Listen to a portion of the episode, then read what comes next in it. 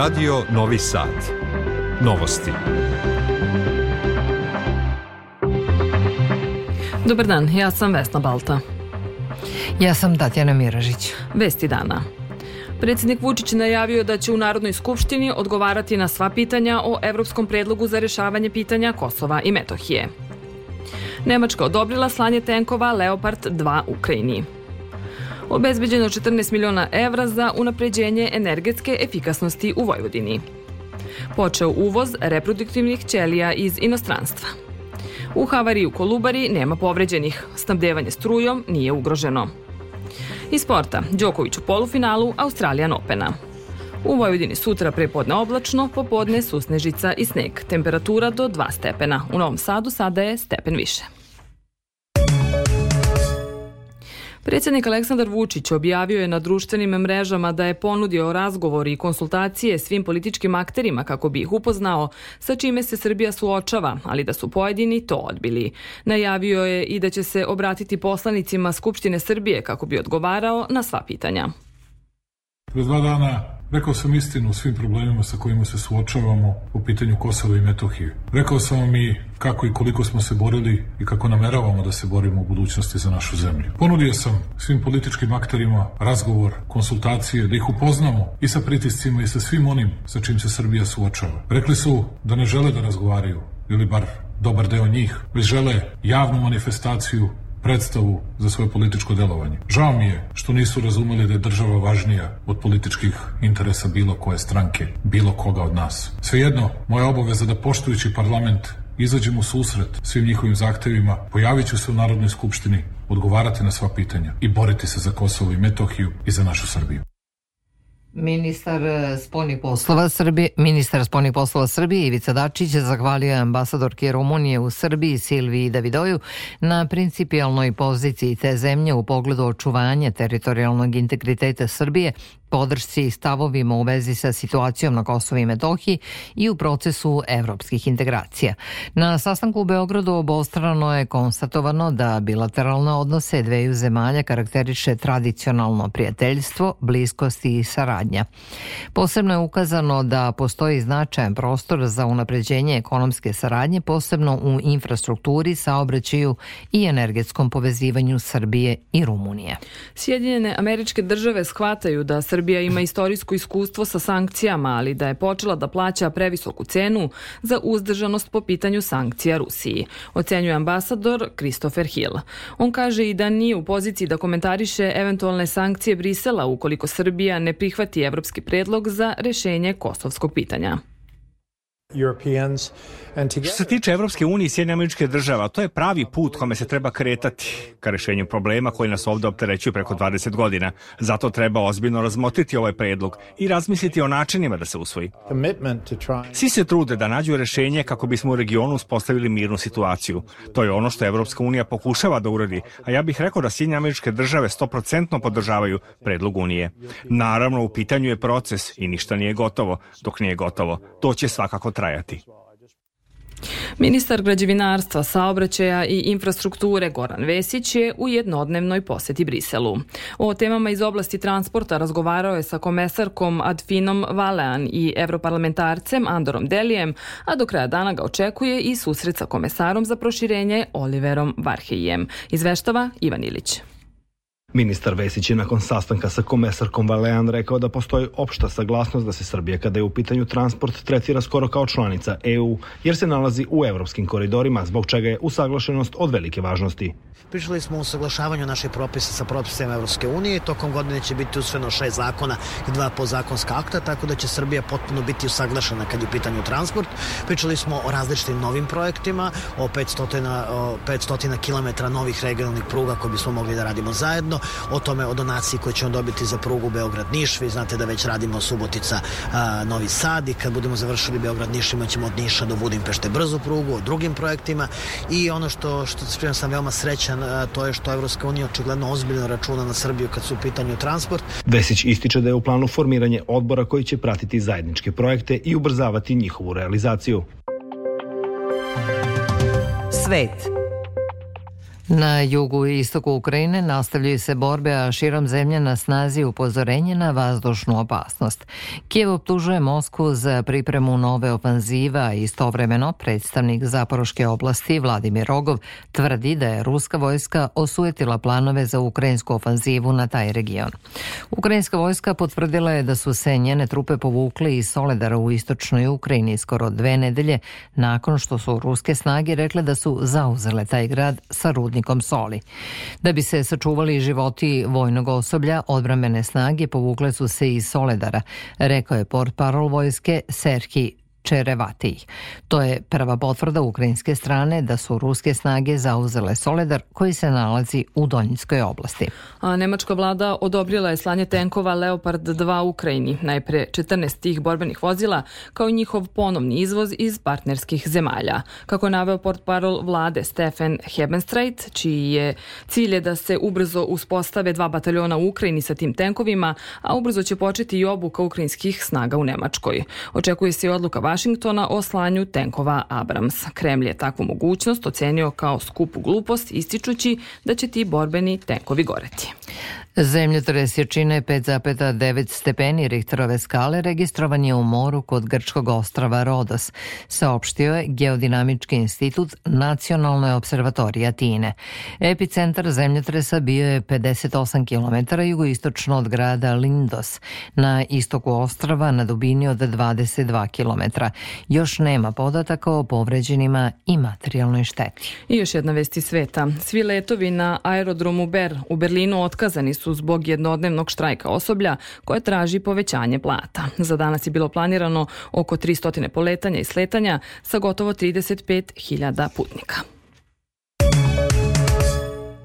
a naredne minute u novostima posvećujemo ekonomskim temama.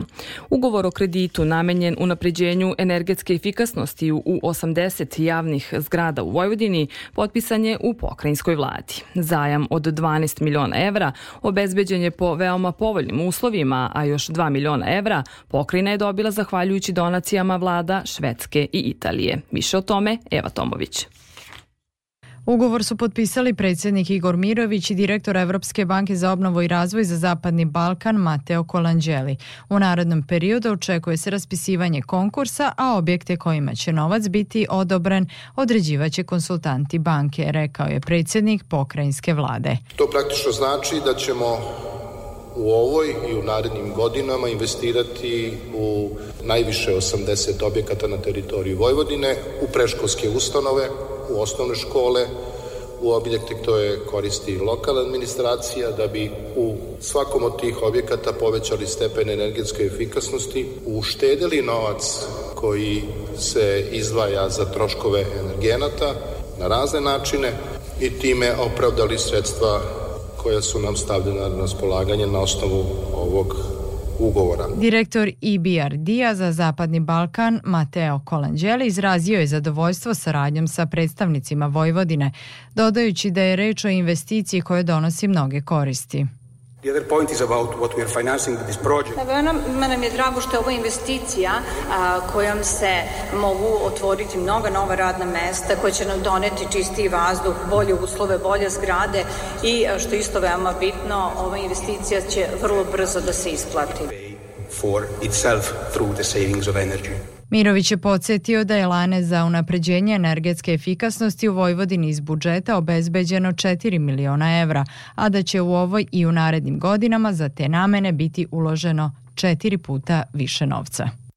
Makroekonomska previranja koje su obeležila proteklu godinu nastavit će se i u ovoj, zbog čega je važno da se odrede prioriteti i pravci, kao i mere koje će ublažiti negativne efekte na privredna kretanja u narednom periodu. To je ocenjeno na panelu naleda posvećenom globalnim privrednim trendovima i njihovim posledicama na tržište Srbije. Ekonomisti iz bankarskog sektora poručili su da je za domaću ekonomiju presudno očuvanje političke stabilnosti i stabilizacije energetskog sektora, pripremila Branka Dragović-Savić. Šefica Kancelarije Međunarodnog monetarnog fonda u Srbiji Julija Ustjugova upozorila je da će se negativni ekonomski trendovi nastaviti i u 2023. godini, te da će privredni rast biti usporen. Glavni cilj svih standby aranžmana i programa MMF-a i prioritet je da se ostvari finansijska održivost e, u svim preduzećima, državnim preduzećima, energetskim državnim preduzećima. Prioritet je da se obezbedi energija, ali da se investicije stave kao prioritet, da se unapredi rukovodđenje u ovim firmama. Privredni rast u Srbiji ove godine može dostići maksimalno 1%, ocenio je Dragoslav Veličković iz OTP banke. Godina će biti, mislim, vrlo teška, plus ako gledamo recimo kod nas zadnjih sedam kvartala, mi smo imali pad poljoprivredne proizvodnje, takođe rast kamatnih stopa vidimo ovaj, da će već smanjiti potrošnja građana, skuplje kredite, tako da očekujemo da će taj rast i dalje biti spori. Na panelu je predočeno istraživanje prema kojem najveći broj svetskih kompanija nema jasnu procenu kad će aktualna kriza biti prevaziđena. Debatu je organizovao Savez za fair konkurenciju Naleda.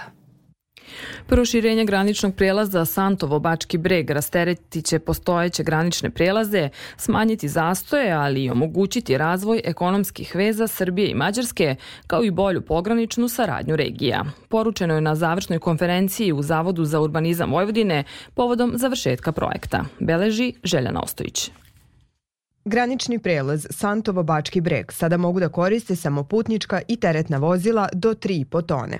Plan je da preko njega prelaze i teška teretna vozila, čime će rasteretiti Horgoš i Kelebiju. Istakao je vršelac dužnosti direktora Zavoda za urbanizam Vojvodine Predrag Knežević, dodajući da će obnovljen prelaz imati ukupno 12 traka.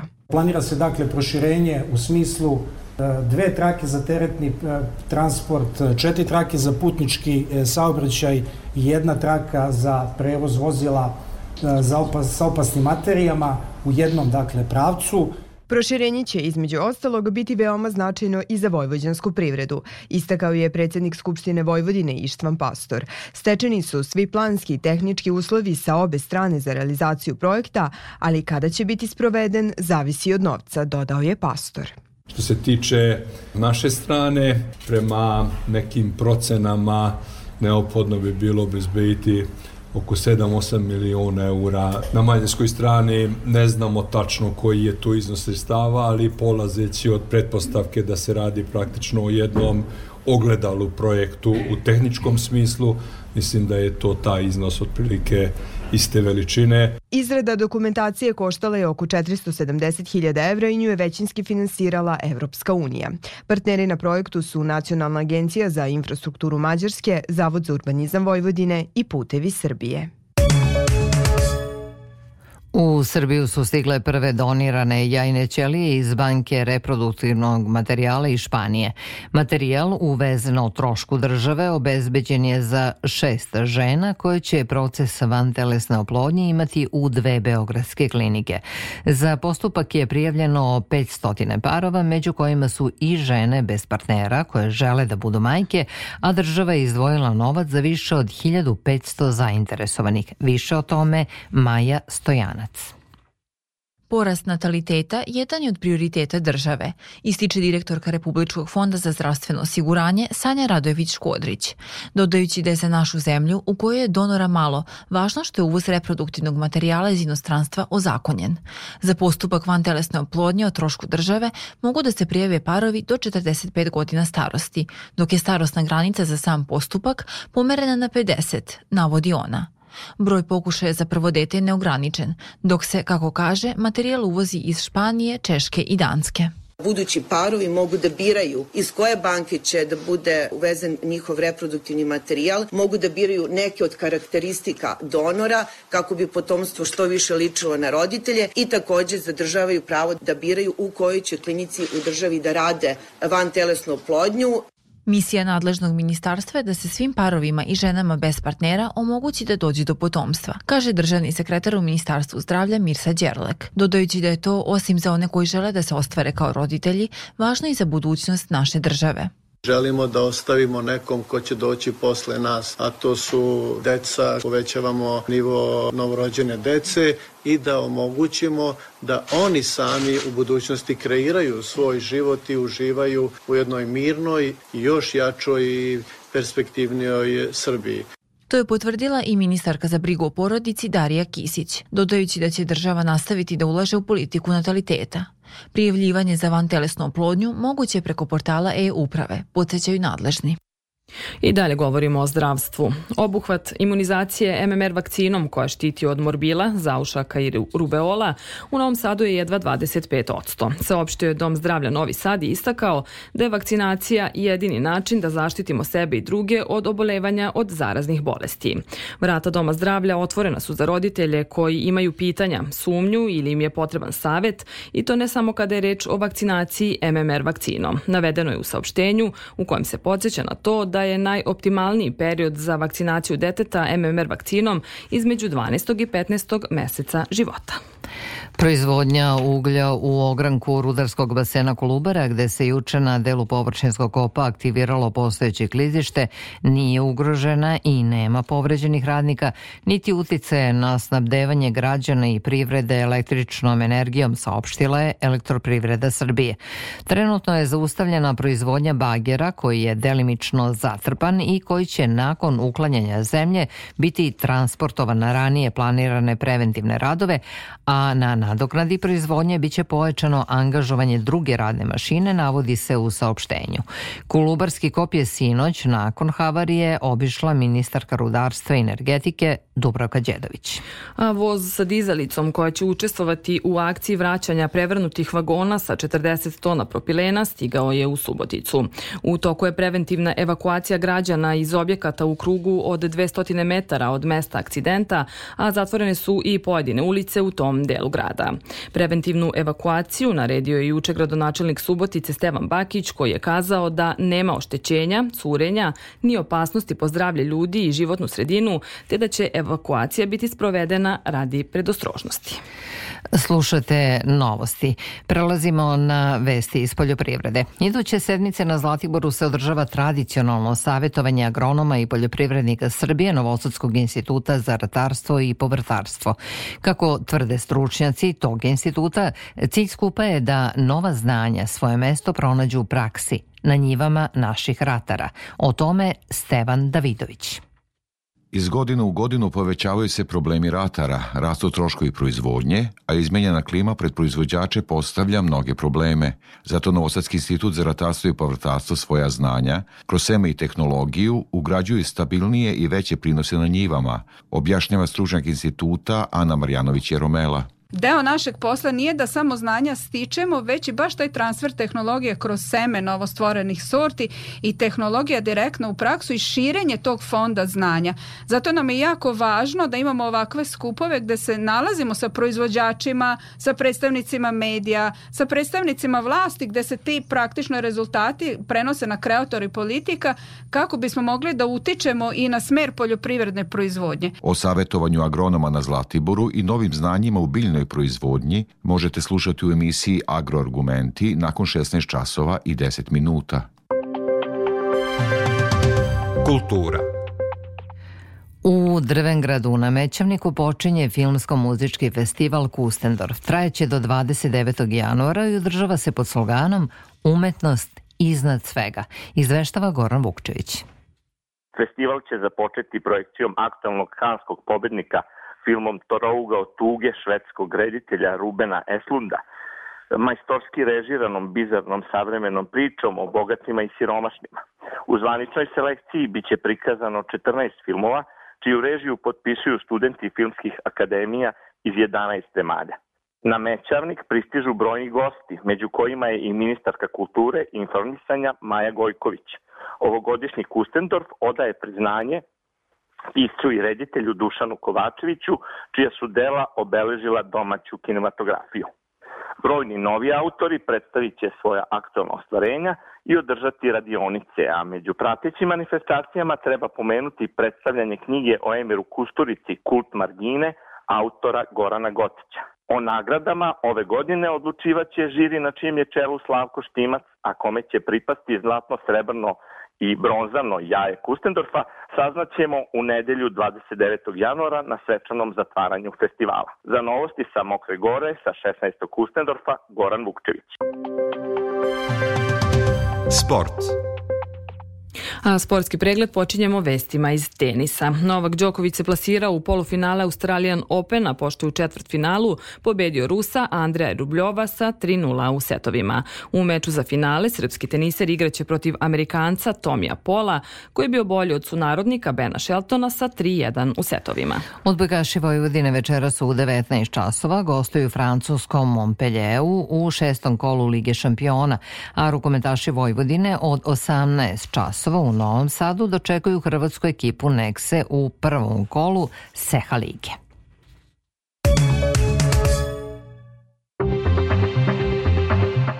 Pred kraj novosti još jednom vesti dana. Predsednik Vučić najavio da će u Narodnoj skupštini odgovarati na sva pitanja o evropskom predlogu za rešavanje pitanja Kosova i Metohije. U havari u Kolubari nema povređenih, nije ugroženo snabdevanje strujom. Nemačka odobrila slanje tenkova Leopard 2 Ukrajini. Obezbeđeno 14 miliona evra za unapređenje energetske efikasnosti u Vojvodini. Počeo uvoz reproduktivnih ćelija iz inostranstva. Novak Đoković u polufinalu Australian Opena. I za kraj o vremenu, u većem delu Vojvodine je oblačno, prema poslednjim merenjima u Novom Sadu je 3 stepena, relativna vlažnost vazduha je 75 procenata, vazdušni pritisak je 1018 milibara. Slušamo prognozu vremena za naredne dane. U Vojvodini u četvrtak suvo i promenjivo oblačno u prvom delu dana. Popodne i krajem dana na oblačenje sa susnežicom i snegom, najpre na jugu Vojvodine. Minimalne je temperatura od minus 2 do 0, a maksimalna je od 2 do 4 stepena. Uveče je povremena susnežica i sneg uz temperaturu u 22 časa od 0 do 2 stepena. U Vojvodini u petak oblačno i malo hladnije sa snegom povremeno. U subotu oblačno i hladno sa snegom povremeno i dnevnom temperaturom oko 1 stepen u većini krajeva. Za Radio Novi Sad, Stanko Sparavalo, Meteos. Slušali ste novosti prvog programa radija Radio Televizije Vojvodine. Novosti tonski je realizovao Mladen Branković, producentkinja Branislava Stefanović. Pred mikrofonom bili Vesna Balta i Tatjana Miražić. Ostanite uz naš program, želimo vam prijatno popodne.